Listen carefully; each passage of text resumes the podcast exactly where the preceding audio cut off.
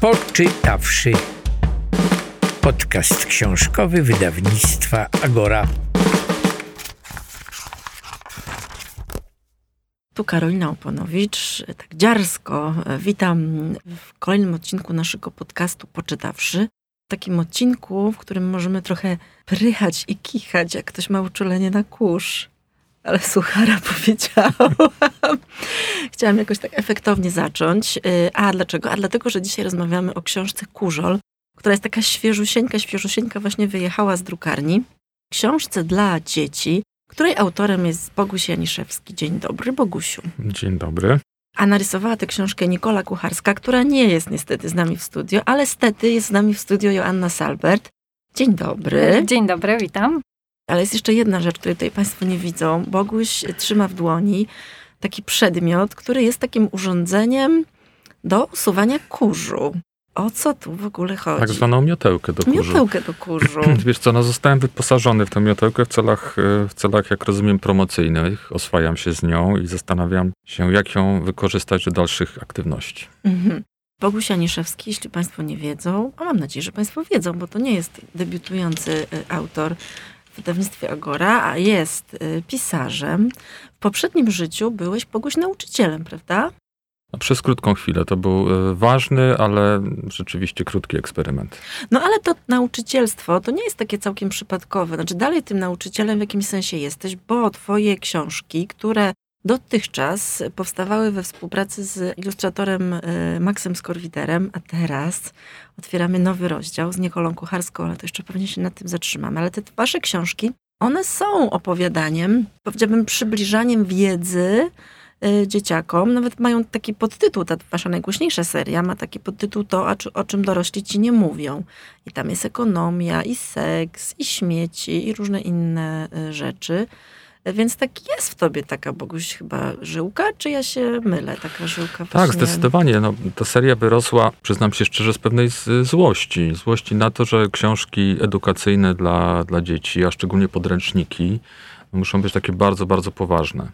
A z drugiej strony, że są ponoć takie tematy, które, nie wiem, nie przystają dzieciom albo są zbyt, zbyt trudne. Więc we mnie pojawił się jakiś bunt. Nie ukrywam, że to też wiązało się z tym, że wówczas mój syn miał 10 lat i zaczął zadawać trudne pytania. I pomyślałem sobie, a co, a co to by było, gdyby zrobić e, poważną książkę, ale w taki sposób, żeby dzieciaki chciały ją czytać, żeby w trakcie lektury się e, dobrze bawiły, żeby się śmiały. No i tak się zaczęło. Tak się zaczęło i dalej to robisz. E, nie tylko w tej serii o to, o czym dorośli ci nie mówią, ale też napisaliście z Maxem trochę innych książek, między innymi o chorobę, która była taką bardzo odważną opowieścią o raku, taką właściwie powieścią graficzną o raku, więc też była trochę wiedzowa, ale o choroba to już była taka książka z fabułą. Tak, wcześniej to były książki non-fiction. W sumie choroba też jest non-fiction, ale w innym tego słowa znaczeniu, ponieważ to jest książka, która jest opowieścią fabularną, ale jest oparta o rozmowy z e, dzieciakami, e, które do, doświadczyły choroby onkologicznej, z psychologami, z psychoonkologami, z rodzicami. Chociaż historia jest zapętlona, to każde zdanie, praktycznie każde zdanie w tej książce jest prawdziwe. Tak, i to jest wspaniała książka. Zgadzam się. Asiu, dziękuję. Mm. Ta książka Miło jest wspaniała. Mi, I też dostała liczne nagrody i została wyróżniona w różnych konkursach. I, I mimo tego, że była właśnie odważna, bo mówienie o raku, a jeszcze do tego w, e, robienie sobie żartów na temat raka, bo nie jest raka, tylko na, na temat raka, e, to też było dosyć odważne. No a kurzol to jest taki zupełnie inny etap, bo tu wydaje się, że to jest po prostu zabawa. Czy to jest tak, że rzeczywiście ta, ta, ta wiedza jakoś jest do, do tego twojego pisania przyklejona, jest jakimś nieodłącznym elementem? Tak, ja mam takie poczucie, że chyba tylko to potrafię, czyli y, szukać jakichś wątków, tematów, które wydają mi się istotne i próbować je przekładać na, na język dziecka. Więc to jest pierwszy tom e, nowej serii, z, y, też z takiego innego podejścia, bo wcześniej brałem na tapet takie poważne, mocne y, tematy, a teraz Chyba trochę po tej chorobie. Zamarzyło mi się, żeby z dziećmi e, rozmawiać, być w, w dialogu no, z takimi sprawami co, codziennego życia, a przede wszystkim e, ze sprawami, które dotyczą ich dobrostanu, e, kondycji ich ciała, kondycji ich ducha, relacji z innymi. To ja tak tylko krótko wprowadzę, postaram się bez spoilerowania. Mamy taką sytuację w Kurzolu, który to Kurzol na pierwszy rzut oka nie bardzo wiadomo, czy jest komiksem, czy taką powieścią hybrydą, bo tam są nigdzie, nigdzie jest tekst, ale właściwie chyba najbardziej do niego pasuje określenie komiks.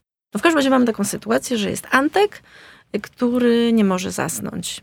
I leży, przywraca się z, z boku na bok i nagle słyszy jakiś dziwny głos. Okazuje się, że ten głos należy do ludka, stworka o imieniu Kurzol. Ten stworek mieszka pod łóżkiem i, y, i jakoś tak się z Antkiem zakumplowuje i postanawiają razem rozwiązać y, problem tej bezsenności antkowej.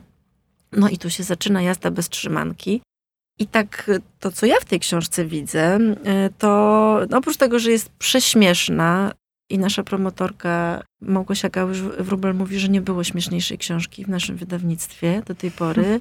I już nie wiem, ilu osobom dzisiaj ją wkładała do ręki z hasłem przeczytaj to dzisiaj, jeszcze dzisiaj to przeczytaj, zobaczysz, że umrzesz ze śmiechu. Więc oczywiście ona jest śmieszna, tam jest przygoda, jest jazda, ale też podoba mi się bardzo y, takie podejście, w którym pokazujemy dzieciakom, że mogą wziąć odpowiedzialność za swój dobrostan. Teraz zwracam się do, do Joanny Salbert, y, psycholożki, psychoterapeutki, kierowniczki oddziału dziennego w Instytucie Psychiatrii i Neurologii, związanej także z ośrodkiem medycyny snu w, tym, w tejże instytucji. Czy to jest tak, Asiu, że, że dzieciaki są gotowe, żeby odpowiedzialność za taką rzecz jak sen w ogóle wziąć w swoim życiu? To jest trudne pytanie. Ja myślę o tym, tak słucham Was i wracają do mnie różne wątki związane z moją pracą. Jeżeli chodzi o sam sen, moje doświadczenie bardziej związane jest z pracą z osobami dorosłymi, ale mam też dosyć duże doświadczenie w pracy z dziećmi terapeutyczne. E, akurat nie w zakresie bezsenności, ale w zakresie innych trudności dzieci dosyć wcześnie są w stanie wziąć odpowiedzialność za wiele rzeczy. Tego nie dostrzegamy my rodzice często. E, myślę, że dziesięciolatek, e, ośmiolatek, bo rozumiem, że dla takiego wieku jest ta książka dedykowana, nawet e, trochę dla młodszych. Tak? Nawet Właściwie młodszych. To, mhm. no to jest taka książka... Jeszcze nie wiemy w sumie dla kogo. to się okaże. Tak, znaczy zakładamy, że ona jest taką ma formę, jest, jest kolorowa i jest taka zachęcająca do tego, żeby też sięgnęły dzieci, które dopiero zaczynają czytać, ale, ale ma też dużo bardzo wiedzy takiej, która też pewnie zainteresuje mm. dzieciaki starsze. No i ta przygoda jest taka, że nawet dorośli się śmieją. Okay. Tak odpowiadając na twoje tak, pytanie. ale wracając do, do pytania, bo, bo zapytałaś o odpowiedzialność, także no, ja powiem tak, to jest taki wiek, w którym dzieci są w stanie przyjąć dużo od dorosłych, e, są w stanie usłyszeć to, co jest w tej książce i nie będą z tym bardzo jeszcze dyskutować, nie zostawiałabym ich z tym sama. Zadbanie o to, żeby ten sen był zgodny z tymi zasadami, o których napisałeś, zasadami higieny snu, to jednak w dużej mierze jeszcze jest po stronie dorosłych. Im dziecko starsze, im bliżej tego nastoletniego wieku, E, no tym rzeczywiście nadzieja jedynie w tym, że gdzieś ta wiedza zostanie wykorzystana, ale no nasza presja na zdrowy sen e, będzie przynosiła efekt odwrotny i trochę o tym wiem, też z doświadczenia jako rodzic, niekoniecznie jako psycholog. Wracając jeszcze raz, odpowiedzialność tak, ale jednak dzielona z rodzicami, szczególnie dla tych dzieci młodszych w wieku e, szkolnym, jeżeli chodzi o poziom podstawowy. Czyli to my musimy jednak zgasić światło ostatecznie. My musimy przede wszystkim pokazać, co to znaczy zdrowo spać, co to znaczy dobrze spać, o co, się, o co zadbać. My jako um, przykład, um, to jest ta odpowiedzialność po naszej stronie. Ja też y, pisząc tą książkę miałem taką intencję, no, żeby nie wiem, nie terapeutyzować dzieci, czy y, też mam świadomość, że to jest, y, no nie, nie można zdjąć odpowiedzialności z rodziców, natomiast mam głębokie przekonanie, że y, dzieci, jeżeli y, wiedzą, dlaczego mają coś mhm. robić, to jest to dobry punkt, y, punkt wyjścia. I czasami też jest tak, że jeżeli rodzic powie, że coś trzeba robić, bo ja tak mówię, działa słabiej niż y, paradoksalnie, jeśli powie to bohater książki. Nie wyobrażam sobie, żeby dzieci, dzieciom można było dać kurzola i powiedzieć przeczytaj i teraz już, już śpi dobrze. Natomiast y, dzięki temu wierzę w to, że dziecko trochę się, tak powiem, obcyka z różnymi tematami, wątkami, y, pojęciami, pozna, pozna hormony. Być może trochę zaszpanuje przed rodzicami, ale po prostu będzie wiedzieć, że sen jest wartością. Mhm. A sen jest wartością, Asiu? Sen jest wartością, Karolino. jest dużą wartością. Pomaga żyć, pomaga się regenerować, pomaga pamiętać, pomaga radzić sobie z emocjami, pozwala odpocząć naszemu organizmowi. Sen brat życia, kiedyś e, taki artykuł, tytuł artykułu zapadł mi w pamięć. Sen brat życia? Mhm. Ulala. No mocno, no dobra, ale ten nasz Antek to on ma y, takie różne perypetie i zaczyna odkrywać, o co to chodzi. I w ogóle zaczyna jakoś tak próbować dotrzeć do odpowiedzi na pytanie, które by pewnie no, scenarzyści amerykańskiego filmu określili jako what went wrong. Jak ty to, Boguś, kiedy sobie konstruowałeś tę historię, jak ty to widziałeś? No przede wszystkim zależało mi na tym, żeby ta książka była poczytna, bo znowu to jest punkt, y, punkt wyjścia. Y, wierzę w to, że młodego czytelnika można gdzieś tam podkładać jakieś kąski wiedzy, natomiast on, on ma się przede wszystkim dobrze, dobrze bawić i mam nadzieję, że będzie się dobrze bawił przy tej, e, przy tej lekturze. No dla mnie też niezwykłym doświadczeniem, wielką przygodą była współpraca z e, Nikolą Kucharską. To jest e, zupełnie inny e, tryb relacji pracy niż z Maxem. Ani gorszy, ani Tak lepszy. musimy tutaj powiedzieć, Max, jeśli nas słuchasz, to Boguś nadal cię kocha. Tak, my jesteśmy w, głębokiej przyjacielskiej miłości, więc tego się, e, tego się nie obawiam. Natomiast no, rzeczywiście Nikola stworzyła ten wewnętrzny świat, bo chyba za bardzo nie, nie, nie będę spoilerował, jeżeli powiem, że nasi bohaterowie wchodzą do wnętrza ciała Antka i tam odkrywają różne y, y, dziwne rzeczy. Mnie się tą książkę, bo przyznam też się, że tę książkę wziąłem do ręki, przeczytałem ją. Bardzo fajnie, dzięki tym obrazkom i, i tym pociągnięciu tej całej linii narracyjnej, y, po prostu dobrze czytało. A jak, jak to wyglądało, jeśli chodzi o ciebie i o Nikolę? Bo Nikola też jest autorką książek. Ona jest tutaj ilustratorką, ale też współtwórczynią. No bo osoba taka jak Nikola, to chyba nie da się poprosić ją o to, żeby po prostu narysowała tu rysunek i tam rysunek. Ona myśli całą konstrukcją książki. Tak, no właśnie za chwilę skończymy nagranie i lecę do domu, bo Nikola już do mnie dzwoniła w sprawie drugiego tomu. Ma tam jakieś uwagi, wątpliwości, musi to bardzo szybko przegadać, żeby przygotowywać dalszy ciąg i dalsze, dalsze obrazki. Ale to chyba nie będzie żadnym fopa, jeśli zdradzę tajemnicę, że taki styl pracy Maxa, z którym zrobiłeś już nie wiem ile, kilkanaście książek? Z 15. Z 15, tak mówisz z grubsza, bo tak nie Mhm. policzyłeś tego. Bo już dobrze. przestałem liczyć po Aha, prostu. no właśnie. Ale zrobiłeś z nim kilkanaście książek. Styl Maxa i styl Nikoli to, to dwie zupełnie różne historie. Tak, i w prawda? związku z tym to dla mnie jest niesamowita e, przy, przygoda, bo trochę funkcjonuje mm, pomiędzy dwoma e, biegunami doświadczenia ilustratora. Z jednej strony taką raptowność, e, taką czasami frywolność Maxa, a z, z drugiej strony e, niesamowitą wyobraźnię, ale też ogromną dyscyplinę Nikoli. No poza tym muszę po, po, powiedzieć, że no, rzeczywiście Nikola z mojej perspektywy jest współautorką tej książki, dlatego że dostała surowy tekst i tak naprawdę wymyśliła y, całkowicie samodzielnie całą warstwę wizualną. Ale to też znowu zdradzimy taką tajemnicę, że zanim ten bohater e, Antek i bohater Kurzol powstali, to też było kilka propozycji. Nie wiem, czy to jest przypadek, że ten Antek trochę przypomina takiego małego Bogusia, przynajmniej z fryzury. Jak to było? No, ktoś kiedyś powiedział, że wszystkie książki y, są autobiograficzne, więc tru, trudno jakby wyjść poza y, swój schemat myślowy. Tak. Też y, ta książka powstała z fascynacji filmem Było sobie życie, fascynacji y, ideą podróży do własnego ciała. Bardzo się tym y, zaraziłem i szczerze mówiąc, bardzo mnie krę, kręci perspektywa tworzenia kolejnych historii i opowiadania kolejnych zdarzeń wewnątrz ciała e, w różnych jego, e, jego miejscach. To jest naprawdę dla mnie bardzo fajna intelektualna przygoda. Ja też tak myślę, teraz się do, do Joanny Salwy zwracam, Asiu, że to jest, to, czy to tylko wyobraźni może, może być coś takiego, że ten Antek jednocześnie jest na zewnątrz i, i, i w środku tego swojego ciała. Że on gdzieś podróżuje, głównie w swoim mózgu, ale nie tylko w mózgu, bo też bywa w jelitach, gdzie ma przygodę życia i w różnych innych miejscach. To dzieciakom nie przeszkadza, prawda? Kiedy im opowiadamy historie, które z pozoru no, się nie kleją. Myślę, że może tylko zaciekawić. Jestem w roli gościa i odpowiadam na pytania, ale strasznie mnie ciekawi, co Proszę. spowodowało, że wybrałeś sen jako temat na pierwszy tom tej książki. A szczerze mówiąc, już nawet nie pamiętam, jak to, się, jak to się stało. Czy to była moja propozycja, czy to wyszło w ramach narad. e, agorowych. Mi się wydaje, że to Boguś od ciebie wyszło, Mhm. wiesz? Że to od ciebie wyszło, bo, bo założenie tej serii od początku było takie, że to ma być opowieść o różnych kłopotach, które dzieciaki mają współczesne.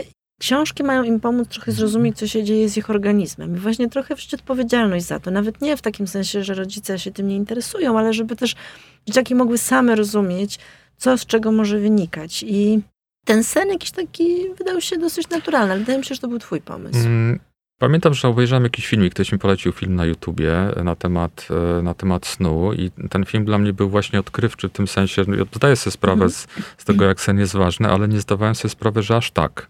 Nie zdawałem sobie sprawy, że nawet krótkotrwałe zakłócenie snu już jakby uderza w układ odpornościowy. Że jak, jak ważne jest, żeby tę higienę snu mieć, a jednocześnie y, uświadomiłem sobie, jak y, może dewastować sen, jakby nawyk y, młodego pokolenia, czyli oglądanie filmików na YouTubie przed snem. Mhm. Że to błękitne czy niebieskie światło no jest jednym z tych czynników, który sprawia, że Tak, dzieciaki nie mogą spać. tak, zdecydowanie i badania to bardzo wyraźnie pokazują, że nawet krótkie jakieś naświetlanie się przed snem powoduje, że ten sen staje się pofragmentaryzowany. Ja myślę, że to jest super ważne, jakby z mojego punktu widzenia, żeby pewne nawyki y, i pewien podstawowy mechanizm, który sprawia, że śpimy dobrze, czyli rytm okołodobowy, o którym piszesz w swojej książce, nie wprost, ale pośrednio, żeby tego nie utracić, y, a tracimy to najczęściej w takich wczesnych latach właśnie przez to, e, że e, ten narzucony przez dzień i noc e, rytm zostaje zaburzony,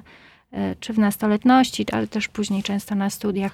I to, co się dzieje właśnie przez to, między innymi, że tak się zmienia ten styl życia, to e, taka granica, kiedy zgłaszają się do nas, do ośrodka pacjenci z, cierpiący na bezsenność, bardzo się przesuwa. To kiedyś były osoby bliżej 50 roku Mhm. życia, w tej chwili mamy 18-latki, które szukają pomocy z powodu już takiej utrwalonej bezsenności.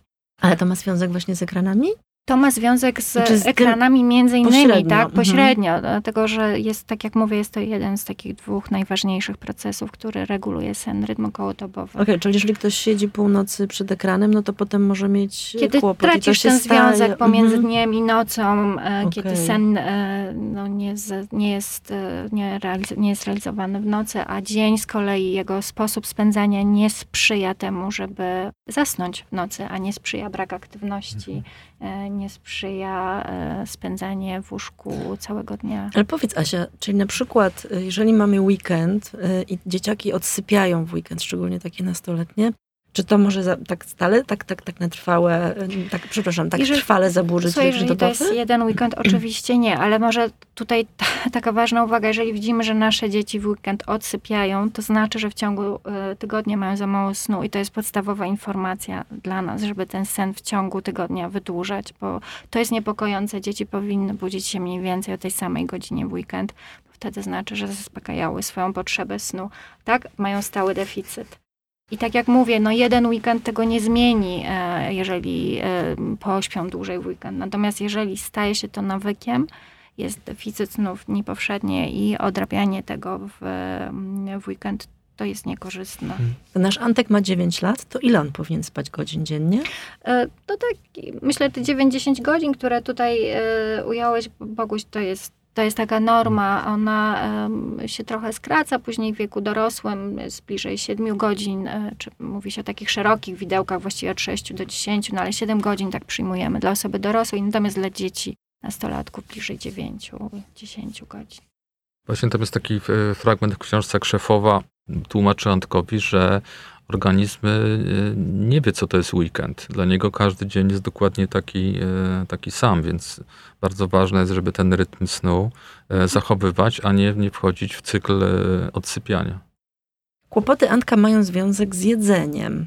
Właściwie można powiedzieć dwóch rzeczach. Jedna znowuż, wracając do rytmu okołodobowego, y, no, ten rytm jest wyznaczany przede wszystkim przez światło. Y, Czy jest to światło, czy go nie ma, to jest podstawowy taki wyznacznik y, rytmu, ale też inne zachowania, między innymi posiłki, czyli to, co jest ważne, to żeby te posiłki były regularne i to takie ogólne zasady zdrowego odżywiania. No i ten posiłek główny zaczynał jakoś dzień, śniadanie, obiad i kolacja dosyć lekka, żeby, to też jest w tej książce, tak żeby te dwa procesy nie Mhm. konkurowały ze sobą. ale też ten rytm związany jest z, in, z innymi y, zachowaniami, z aktywnością fizyczną, z aktywnością społeczną. Dlatego jak myślimy w ogóle o wspieraniu dzieciaków w takim dobrym spaniu, to tak naprawdę też jest wspieranie w tym, jak spędzają dzień. Pewne nawyki związane właśnie z aktywnością. Myślę, że okres pandemii był takim okresem, gdzie wiele tych, tych trudności ze snem mogło się pokazywać, dlatego że ten e, aktywność, ten rytm, to wszystko zostało zaburzone. W konsekwencji wzrosły też e, trudności ze snem e, i też inne trudności psychiczne u młodzieży i dzieci. Te wskaźniki są dosyć zatrważające. Są zatrważające, ale ja tak bardzo nie lubię rodziców straszyć. Bardzo nie lubię ich straszyć. Ja sobie pomyślałem, że mamy e, materiał na wiele, wiele tomów. Ja też tak pomyślałam. Właśnie tak jak Asia mówi, to mi się od razu zapalają lampki. Jeszcze o tym, jeszcze o tym mhm. można zrobić. Też trochę pisząc Korzola miałem taką intencję, żeby przypominać e, dzieciom o tym, że mają ciało. O, tak. e, bo mm. myślę, że trochę jest tak, że no, ponieważ myślimy, jeste, jesteśmy świadomi, samoświadomi, no to gdzieś sytuujemy nas, to nasze ja, zazwyczaj w głowie.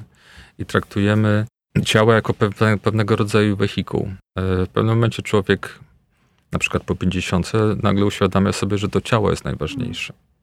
Że, bo bez ciała nie ma, e, nie ma życia. Że ciało też jest twoim przyjacielem najlepszym, bo nigdy cię nie opuści. Może ty pewnego dnia opuścisz ciało, ale ono ciebie nie.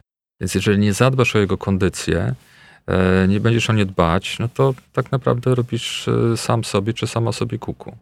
Więc myślę sobie, że w tym tomie i w następnych tomach też ta idea, żeby pielęgnować i dbać o ciało, no powinna być takim leitmotivem.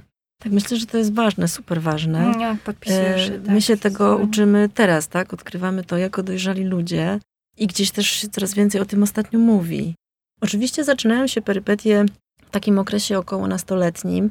Media społecznościowe, jakieś określone wizerunki siebie, to jak się powinno wyglądać, tu to ciało jest, ale ono znowu jest tak instrumentalnie dosyć traktowane. Ono ma do jakiegoś takiego standardu dorównać. Nie wiem, ma być jakieś wysokie, ma być jakieś smukłe, y, ma być, nie wiem, włosy mają być gęste, a nos niewielki. A to jest też y, ważne, żeby to, to ciało takim, jakie ono jest, polubić. No.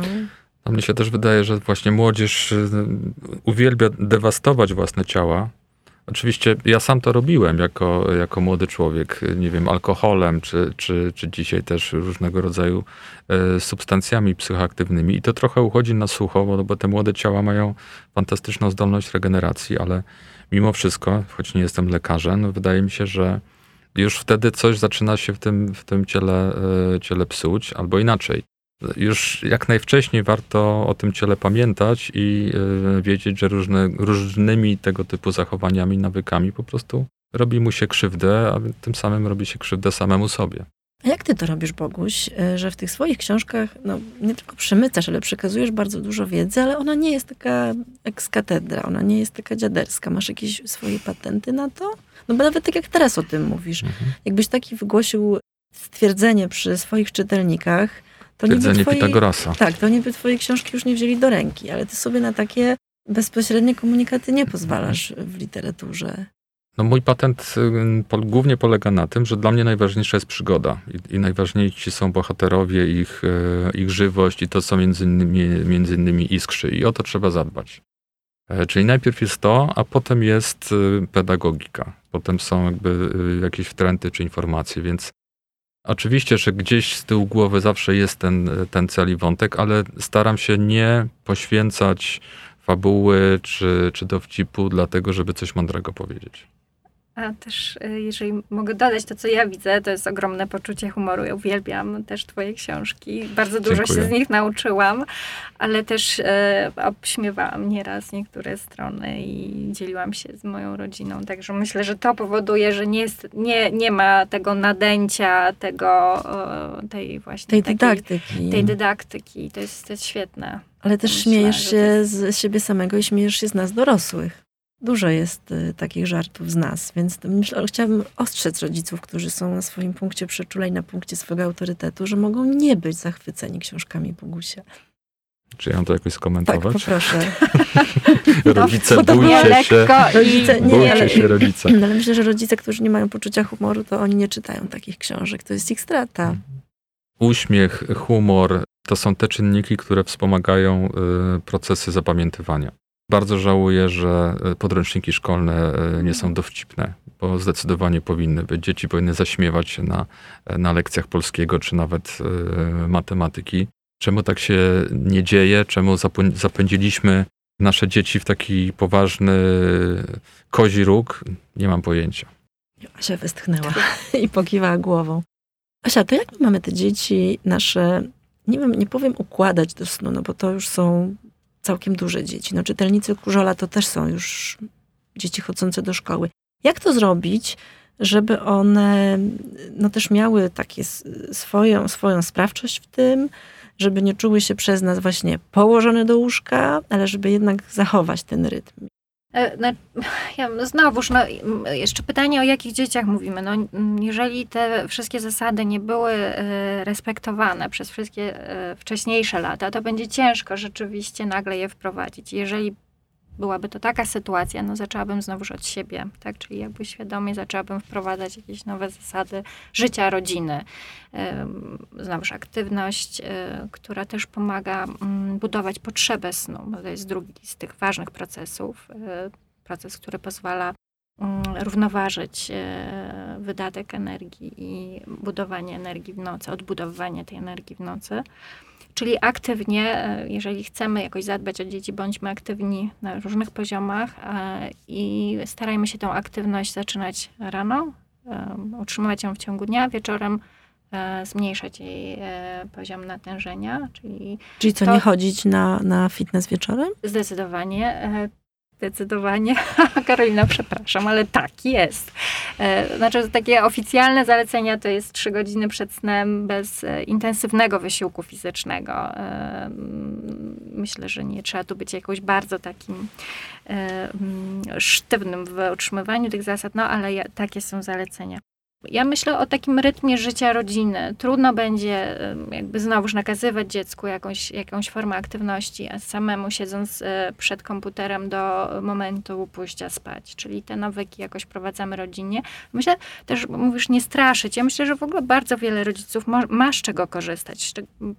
Jak dzieci są młodsze, to jakiś pomysł na wspólne czytanie bajki wieczorem, na taką rutynę wieczorną, to zazwyczaj jest e, pilnowane w domach i to jest to, na czym budujemy później. Po prostu warto to kontynuować, e, tak? Wtedy to czytanie książki nie musi być czytaniem przez rodzica, może być czytaniem wspólnym, może być rozmową, może być opowiadaniem sobie dnia, ale takie aktywności, które nie są aż tak pełne energii, to jest to obniżenie tego poziomu aktywności, natomiast w ciągu dnia jak najbardziej zachęcać do tego, do przygody.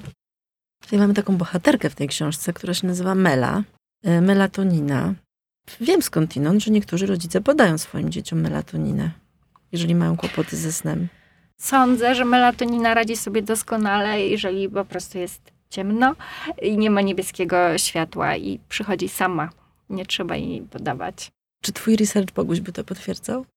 Przede wszystkim pamiętajmy o tym, że nasze dzieciaki, szczególnie te młode, uczą się przez modelowanie. To znaczy, one nie uczą się z tego, co im mówimy, tylko to, co im pokazujemy sobą.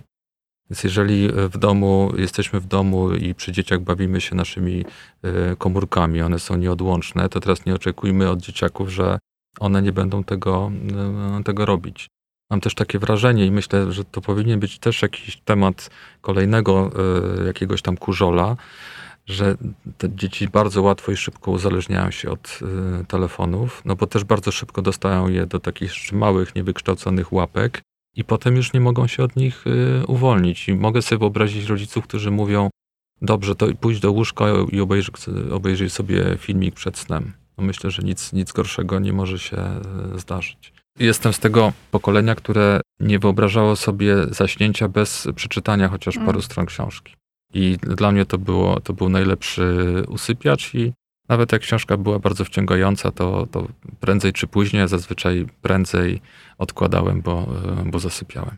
To tak, ale ja muszę ostrzec naszych słuchaczy, że książki y, Bogusia, książka Kurzol na pewno nie nadaje się za bardzo do czytania przed snem. Tak, zdecydowanie. Może nadmiernie pobudzić. Zgadza się. Trzeba by może taką naklejkę.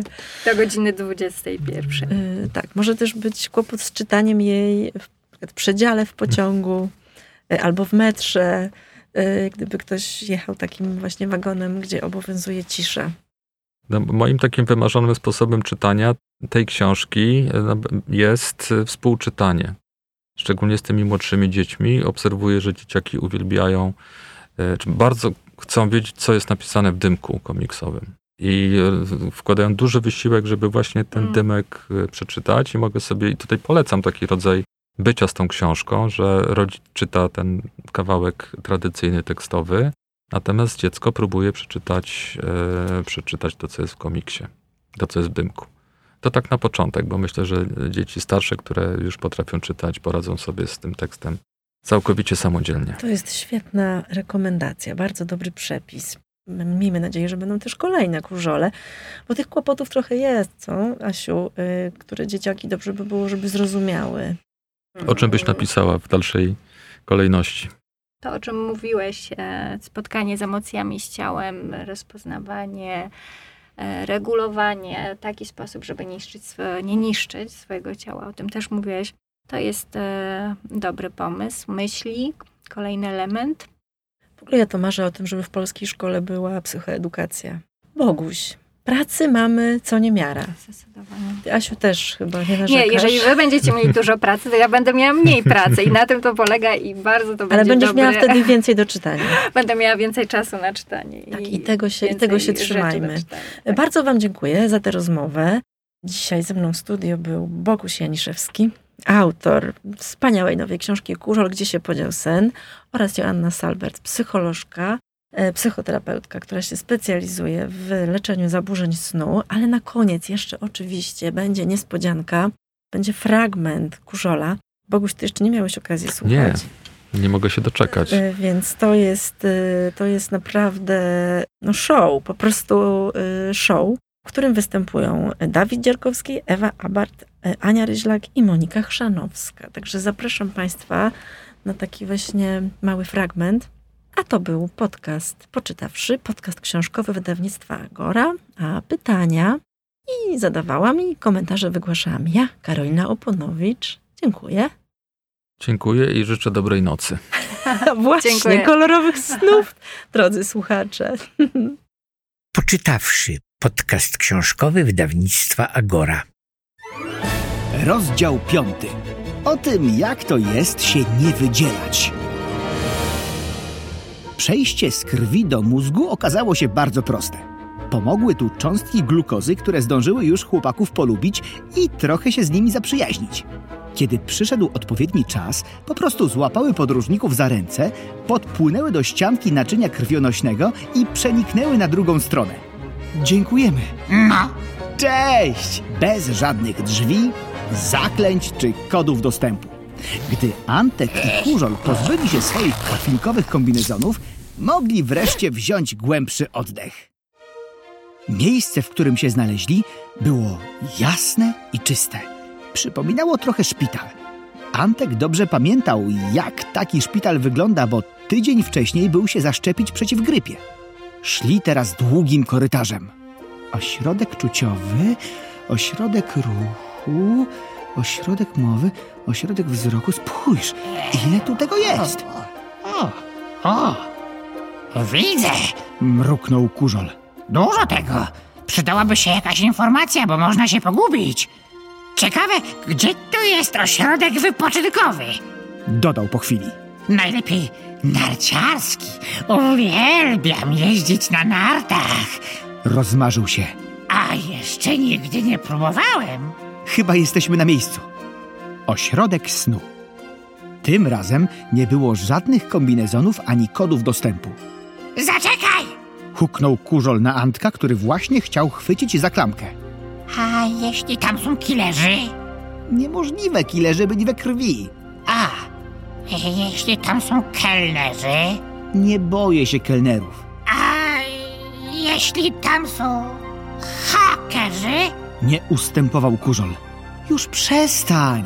Wchodzimy i koniec. No, dobra, ale żeby potem nie było, że nie ostrzegałem. Chłopiec nacisnął klamkę i bez pukania pchnął lekko drzwi. Otworzyły się bez problemu. Kurzol, który trzymał się trochę z tyłu, wsunął ciekawie swój łepek do środka. Mela, Mela, Mela, Wyłaś! Mela, moja droga, no weź. Już! Dzień dobry! My w sprawie snu. Nareszcie. Ile można czekać? Wiecie, która godzina? Przepraszam, ale próbował wyjaśnić chłopiec. Żadnych ale. Trzeba szybko rozwalić te drzwi. Gdzie macie narzędzia? Zniecierpliwił się duży, nieco gruby gość. Nie mamy żadnych narzędzi. Kurzol bezradnie rozłożył łapki. Nie macie? To jak chcecie rozwalać? Gołymi, gołymi rękami? Zdenerwował się nieco gruby. Na siłaczy to mi nie wyglądacie. Co ta szefowa sobie myśli? Że będziemy tak stać i wydzielać przez całą noc? Ale my nie jesteśmy od szefowej. Próbował wyjaśnić Antek. Nie stresuj się, Corti. Po co od razu ta złość? Wtrąciła się mniejsza i nieco chudsza postać. Ty! Ty się lepiej nie wtrącaj, bo ci ciśnienie skoczy. A wy? Jak nie jesteście od szefowej, to czego tu szukacie? Antek krótko wyjaśnił nowym znajomym, kim jest, jak trafił do własnego organizmu i czego tutaj szuka. Przedstawił też kurzola, który na powitanie tylko mruknął. A my jesteśmy hormony. Ogarniamy różne sprawy w twoim organizmie. ja na przykład jestem kortyzol. Zasuwam od rana do wieczora. I teraz chcę iść spać. Słyszysz, Mela? Wyłaź, ale już! Przestań walić, bo ją tylko zestresuje. Z nią trzeba podobrać. Mela? Myszko? Otwórz proszę. Wiesz, że ja bez ciebie nie mogę. Nie mogę oddziaływać. Widzicie, jaki ważny. To somatotropina. Tak jak Mela pracuje na nocną zmianę. To wymyślił takie trudne imię. Zadumał się kortyzol. No dobra, to po prostu hormon wzrostu. O, i nawet mi się zrymowało. Po prostu hormon wzrostu. Ha! Fajne, co nie? Ale wracając do mnie. Czego to ja nie robię w organizmie? Słuchajcie, na ten przykład dbam o cząstki glukozy i ich odpowiedni poziom. E, poznaliśmy już trochę glukozę. Wtrącił się kurzol. Na przykład Roxanę i jej koleżanki. Poznaliście Roxanę? O, to jest świruska! Ucieszył się kortyzol. Na czym to ja skończyłem? A, no więc, zarządzam glukozą. Jestem też ekspertem od trudnych sytuacji. W niebezpieczeństwie uruchamiam stres. Serce szybciej bije, nakręca się energia i łatwiej wtedy uciekać. Wiecie o co chodzi. To moja zasługa, że tak powiem. Mówię wam, bez hormonów nie ma życia. Jesteśmy najważniejsze. Chyba trochę przesadzasz z tym, że jesteśmy najważniejsze, wiesz, Korty?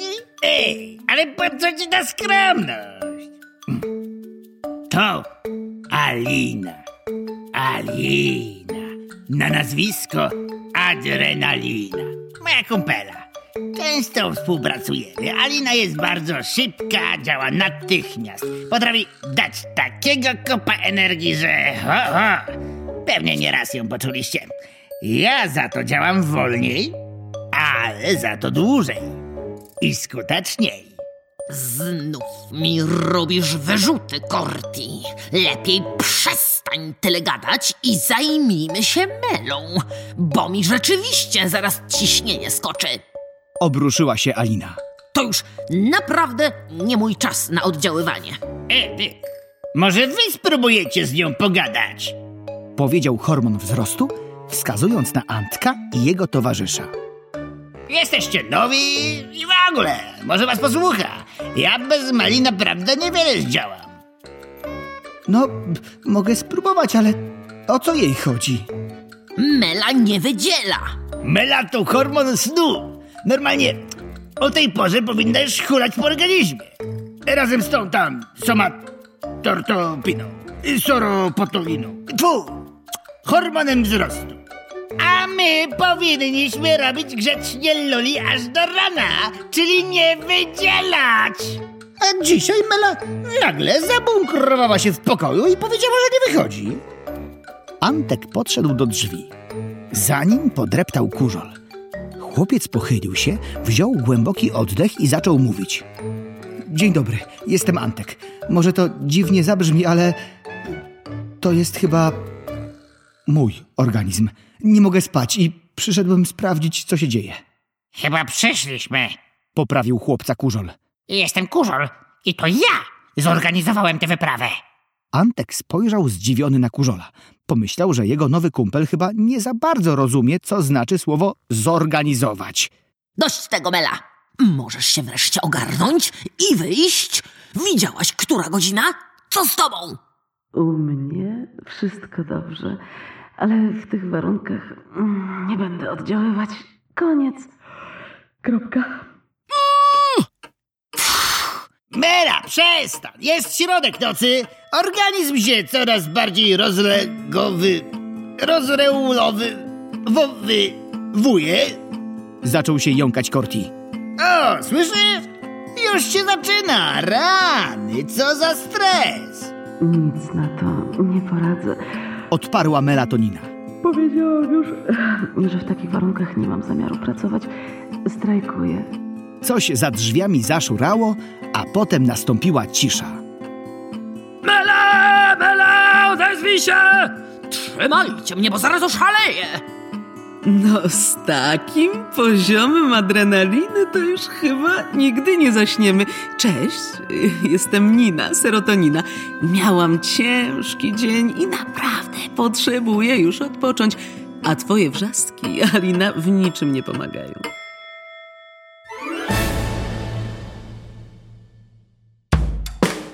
Poczytawszy. Podcast książkowy wydawnictwa Agora.